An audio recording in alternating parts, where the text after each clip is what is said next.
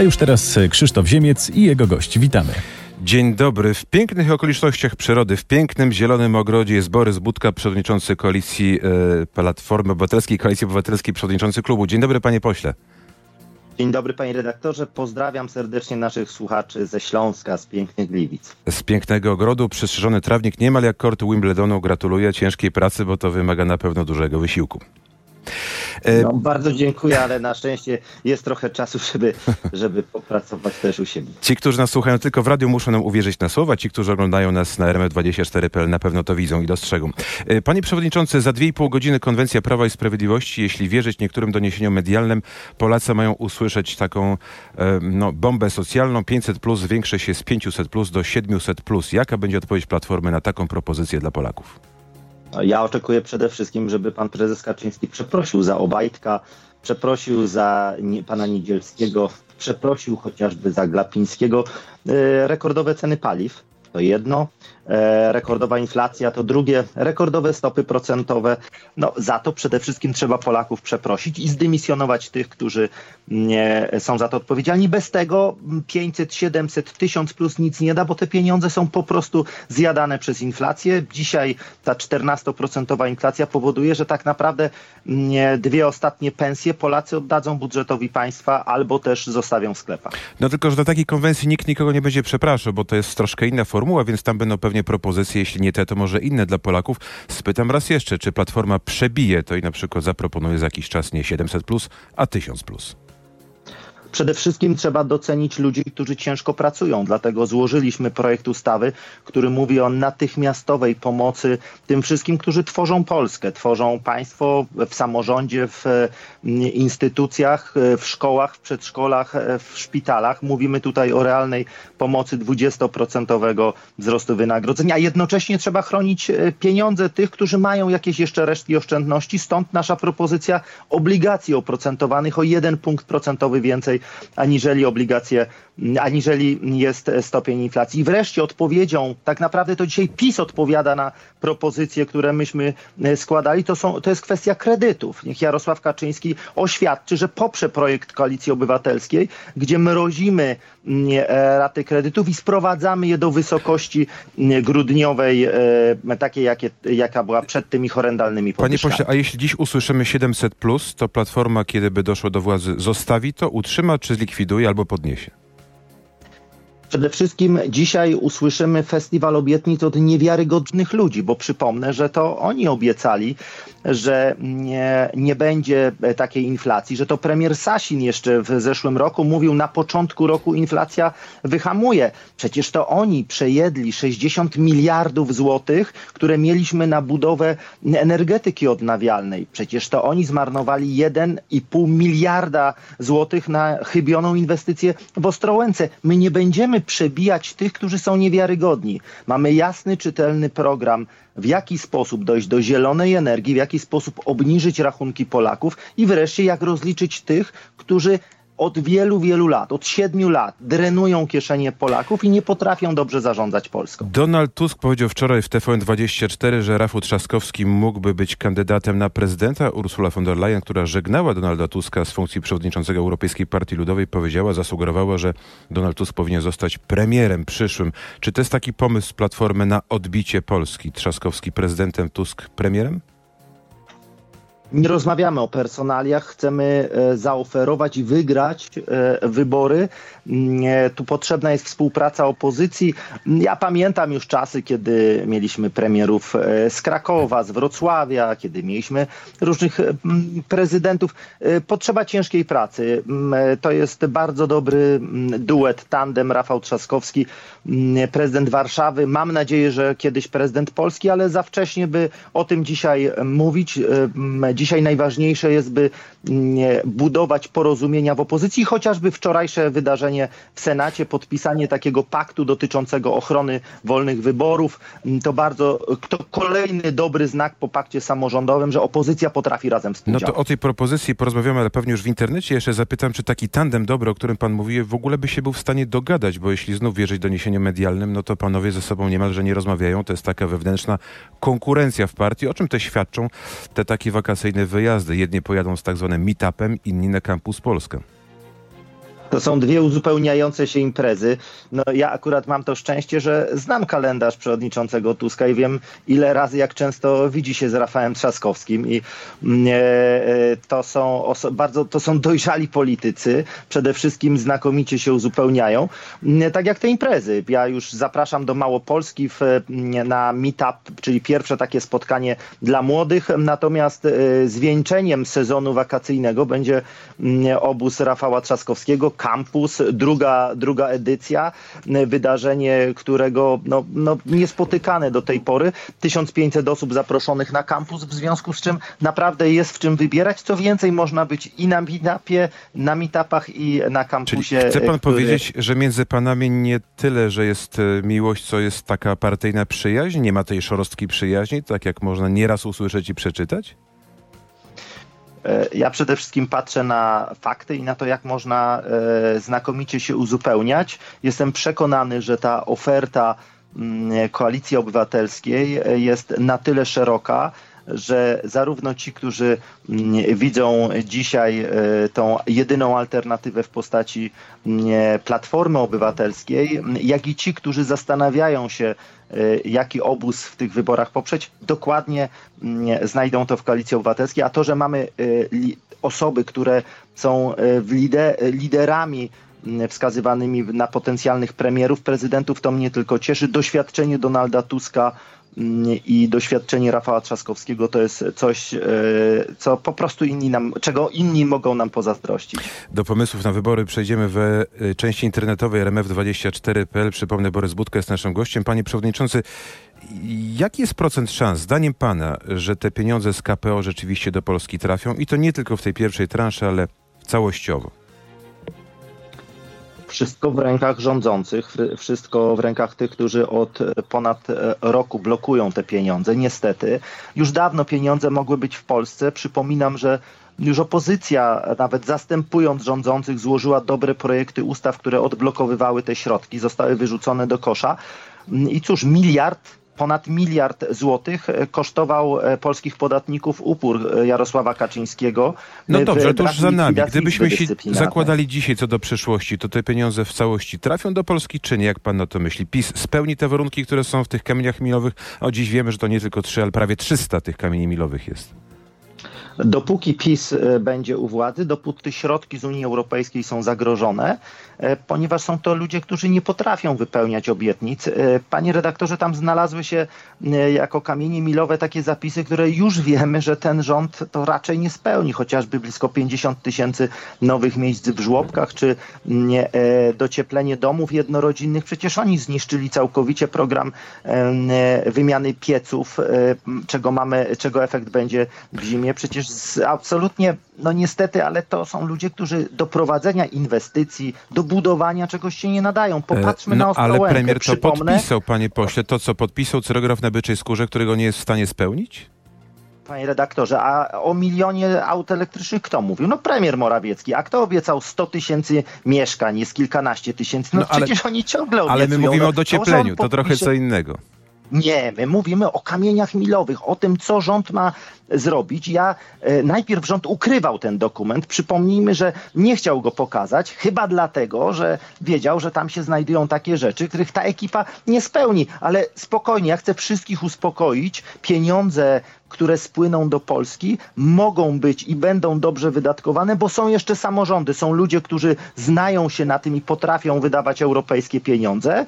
No i ważne, żeby te pieniądze właśnie spływały poprzez samorządy, bez względu na to, kto rządzi w samorządzie. Tam na pewno są lepsi gospodarze niż Jacek Sasin czy pan premier Morawiecki. A może zapytam już na koniec, Komisja Europejska zdradziła opozycję, bo tak niektórzy posłowie sugerują, choćby Róża Tun tutaj w tym studiu kilka dni temu powiedziała, że Komisja Europejska się pośpieszyła przyspieszyła. Podobnie mówi Leszek Miller, Włodzimierz Cimoszewicz. Oni nawet e, właśnie sugerują, że Komisja Europejska no, troszeczkę została oszukana przez nasze władze i sama dała się wpuścić w maliny.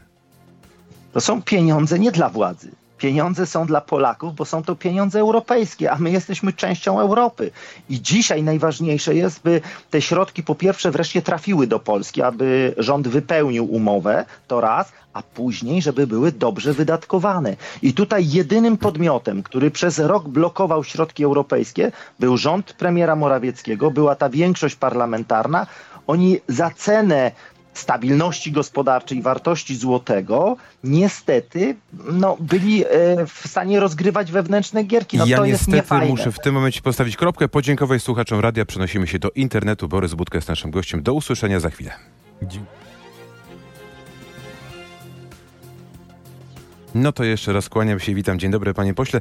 A może zapytam, może to jest jednak sukces właśnie Prawa i Sprawiedliwości, bo pan mówi, że Prawo i Sprawiedliwość przegrało, oszukiwało, ale poszło na kompromis. To nie jest łatwy kompromis wobec pewnie własnego elektoratu. Też niektórzy powiedzą, że to jest zdrada interesów czy Polski, czy interesów własnej partii i obietnic dla elektoratu. Może też trzeba to docenić.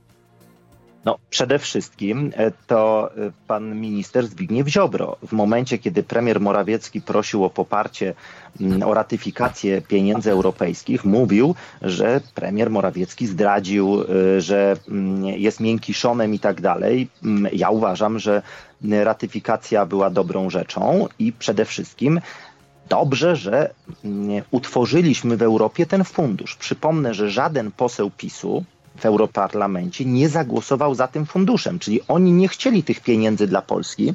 Oni e, od samego początku w Europie protestowali. Jak już było postanowione, że są te pieniądze, to przez rok je blokowali. Wielki sukces Polski, że jesteśmy w Unii Europejskiej. Wielki sukces, że pomimo takiego zachowania rządu Komisja Europejska staje po stronie Polaków. Ale, Te panie pośle, pieniądze Platforma- należą się Polakom, a nie PiSowi. Platforma w parlamencie krajowym głosowała przeciw y, też tym przepisom, które y, Nie. rozszerzały. No tak, no przecież pamiętamy, wtedy SLD zagłosowało tak jak Prawo i Sprawiedliwość i przez Platformę bardzo, mocno był krytykowany. 20 posłów było przeciw, jeżeli chodzi o klub PiSu. I e, o ile się nie mylę, Ja cała mówię o Sejm, o polski Sejm mówię. Ja O rozszerzenie mówię, dlatego środków wa- własnych, które gwarantowały pieniądze z KPO. Żaden poseł Platformy Obywatelskiej nie był przeciw w tym głosowaniu. Przeciwko ratyfikacji była wyłącznie Solidarna Polska i Konfederacja. To Ziobro, członek rządu premiera Morawieckiego, Wójcik, e, Kaleta, Kantak, czyli cała ta ekipa z Solpolu była przeciwko własnemu premierowi. Myśmy wstrzymali się od głosu, żeby tego nie blokować, ale żeby pokazać, że można te pieniądze wydatkować w sposób transparentny przez samorządy, czego rząd nie chciał zaakceptować. I, I to będę powtarzał do bólu. Jak można być w rządzie z ministrem, mówię premier kontra Ziobro, który własnego premiera nazywa zdrajcą, który mówi o tym, że jest miękiszonem. No tak się nie da. A później premier wychodzi na mównicę i mówi, każdy, kto będzie przeciw pieniądzom, jest zdrajcą interesu narodowego. I jego właś, y, własny minister plus jego ekipa głosuje przeciw i oni dalej są w tym rządzie. I teraz y, ta propaganda mówi o tym, co? Że Koalicja Obywatelska głosowała przeciw? Nie, nikt nie głosował przeciw tym pieniądzom. To będą kolejne woto nieufności dla ministra sprawiedliwości, dla Zbigniewa Ziobry? To jest największy szkodnik wymiaru sprawiedliwości. Szanowni słuchacze, 70% dłużej, o 70% dłużej trwają procesy sądowe. No, minister chwalił się zupełnie trwają. czym innym tu w tym studiu z miesiąc temu. Pokazywał papiery, że jest lepiej. No bo to jest wielkie kłamstwo. E, Nawet wystarczy wejść na stronę ministerstwa, e, zafałszowali statystyki, to znaczy zmienili sposób liczenia. E, To jest świetnie pokazane przez chociażby na portalu Ciekawe Liczby. Alicji Defratyki, e, w jaki sposób e, należy, należy to mm, pokazywać, interpretować. 70% dłużej trwają procesy sądowe. W Warszawie na wpis do Księgi Wieczystej cieka, czeka się nawet kilkanaście miesięcy. Co to oznacza? Że e, przez ten czas chociażby ten, kto ma kredyt hipoteczny, płaci wyższe raty. Nigdy w historii trzeciej RP nie było tak złego ministra sprawiedliwości, jeśli chodzi o wydajność sądów. A jednocześnie czym się zajmował? Obrażaniem własnego premiera. Czyli no, to jest będą- kuriozum. Będą kolejne wnioski, czy nie? Bo one są no, mało efektywne, tak? Widać wyraźnie, że Zjednoczona Prawica w tej sprawie jest zjednoczona bardzo. No tak, ale trzeba pokazywać tę hipokryzję. No premier Morawiecki, który wychodzi i broni Zbigniewa Ziobry, człowieka, który nazywał go miękiszonem, mówił o tym, że jest zdrajcą, że zdrajcą suwerenności. No ja przypomnę, co, co wyczyniał taki egzotyczny trochę poseł Kowalski, jak obrażał e, premiera Morawieckiego, zatem nawet, za to nawet z rządu poleciał. Ale cóż, ich łączy kasa, ich łączą stanowiska, ich łączy władza i dlatego będą się wzajemnie bronić. Czy Ziobro wyjaśni, czy jego prokuratura wyjaśni, wyjaśni chociażby miliard 400 milionów wyrzuconych w błoto na inwestycje w Ostrołęce. Przecież to mówi raport Najwyższej Izby Kontroli o tym. Już te 70 milionów Sasina na wybory, które się nie odbyły, to jest nic w porównaniu z tym, jak wyrzucono w błoto miliard 400 milionów złotych w Ostrołęce. To wszystko musi być wyjaśnione i dlatego tak ważne jest, by oddzielić prokuraturę genera prokuratora generalnego od ministra sprawiedliwości, co już wcześniej zrobiliśmy i co zrobimy ponownie, by politycy władzy nie byli bezkarni. Jak pan, panie przewodniczący, ocenia rok Donalda Tuska w polskiej polityce, bo niebawem minie ten rok, kiedy wrócił z Brukseli do Polski? Dobry, pozytywny, z sukcesami? Rok, rok ciężkiej pracy.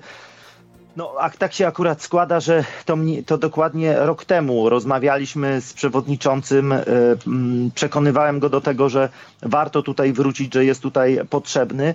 E, potrzebny był e, jednoznaczny, silny, doświadczony człowiek, który po wie, jak wygrywać z PiSem i Donald Tusk tą determinację pokazuje. Ja jestem naprawdę pod wrażeniem. E, ile spotkań otwartych odbywa, można porównać. Ile można porównać chociażby obrazki, czy Jarosław Kaczyński, e, lider obozu Zjednoczonej Prawicy, przez ten ostatni rok spotkał się na jakimkolwiek otwartym spotkaniu, czy wyszedł na ulicę, czy potrafił rozmawiać z ludźmi, czy sam tankuje na stacji benzynowej, chociażby takie proste rzeczy. Tacy powinni być politycy i Donald Tusk pokazuje, że no Polska dla niego jest najważniejsza. No, Jarosław Kaczyński chyba jest ciut starszy, a poza tym nie ma samochodu, więc chyba sam nie może tankować. E, ale wrócę jeszcze do Donalda Tuska. E, czy osiągnął ten efekt, który zamierzył? No bo pewnie notowania Platformy poprawiły się, tak, to bez wątpienia, ale jednak liderem takiej całej zjednoczonej opozycji nie został i pewnie nie zostanie, bo chyba jednej listy wspólnej nie będzie. Jest wiele takich e, drobnych sukcesów, które udało się i, o, i które, o których można mówić. Chociażby pakt samorządowy. Przypomnę, że wspólnie liderzy innych ugrupowań wspólnie z Donaldem Tuskiem podpisywali taką deklarację poparcia dla postulatów samorządowych. Wczoraj w Senacie opozycja zawiera porozumienie kontroli wyborów, a jednocześnie pracujemy nad tym, by te te wspólne postulaty były taką podstawą programową późniejszych rządów i naprawdę chociażby podejście do edukacji, do samorządu, do praworządności, do, do Unii Europejskiej, do decentralizacji, do całego systemu państwa, no to jest coś, co możemy, o czym możemy wspólnie mówić. Te wróbelki za panem e, ćwierkają tak głośno, że nie wiem, czy słuchacze to słyszą. Ja na pewno słyszę, pan pewnie też. Czy one ćwierkają o tym, że będzie jedna lista wyborcza dla opozycji, czy będzie ich kilka, dwie, a może nawet i trzy? Ja jestem tutaj optymistą. Ja pamiętam, kiedy mm, e, w zeszłym roku były wybory w Rzeszowie, wybory przedterminowe mm, kiedy wtedy niektórzy mm, mówili, że nie jest możliwe to, to zjednoczenie opozycji.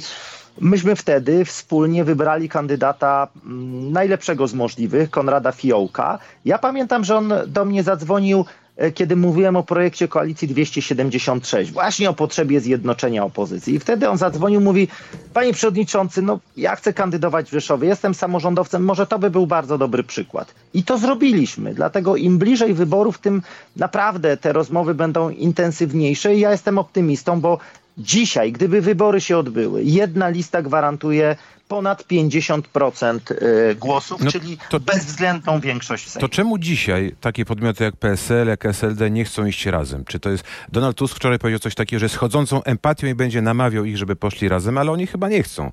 Nie widzą w tym interesu. No bo dzisiaj, nie, bo dzisiaj nie ma wyborów. Dzisiaj E, to jest tak, jak przed tym wyścigiem każdy próbuje zająć pole position. Porównajmy to do sportu. To tak jak na linii biegu, kiedy się startuje, każdy się tam przepycha, chce być jak najbliżej e, tego startu, ale gdy już bieg wystartuje, to ta współpraca jest potrzebna, bo e, no nic, nic tak nie jednoczy wyborców, jak to, że liderzy potrafią rozmawiać, potrafią wspólnie pokazywać to, co można razem zrobić. I ten sygnał wyborczy, czyli to ogłoszenie wyborów, albo gdy wybory będą bliżej, to jest taki bardzo dobry katalizator do tego, by po prostu przyspieszyć i by była jedna, mam nadzieję, jedna lista opozycji. A będą wcześniejsze wybory? Jak pan to czuje na pana parlamentarny nos?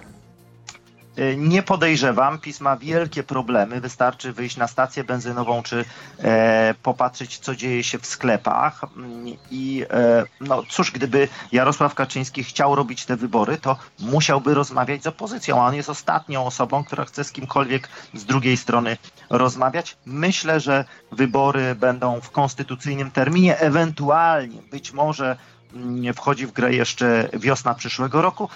E, ale jakoś nie sądzę, by im było pilnie do tego, by oddawać władzę, bo po prostu boją się tego, że zostaną rozliczeni. I jest taki pomysł o ewentualnym przesunięciu wyborów samorządowych na jeszcze kolejny rok, tak o pół roku, żeby się nie nakładały te dwa terminy. Gdyby taka propozycja się pojawiła, Platforma byłaby za czy przeciw?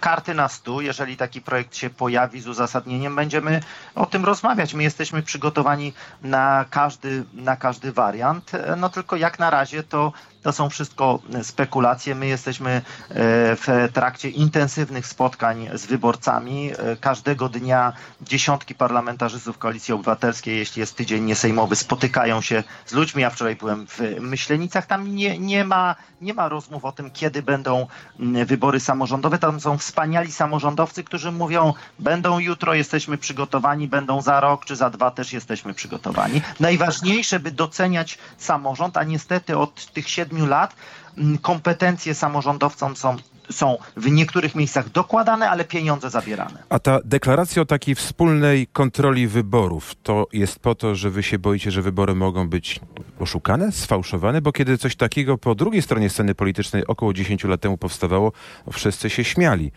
Po co i dlaczego, tak? Że to była taka inicjatywa do wykpienia, a dzisiaj sami to robicie. No, o ile się nie mylę, to Zbigniew Ziobro i ekipa e, będąc w Europarlamencie, donosili na Polskę, twierdząc o fałszerstwach wyborów samorządowych. To dopiero była rzecz, e, nie uznawali orzeczenia Sądu Najwyższego, mówili takie bzdury, że nie, naprawdę e, szkoda do tego wracać. E, dzisiaj najważniejsze jest, by wybory były możliwie uczciwe. One nie będą uczciwe do końca. Dlaczego?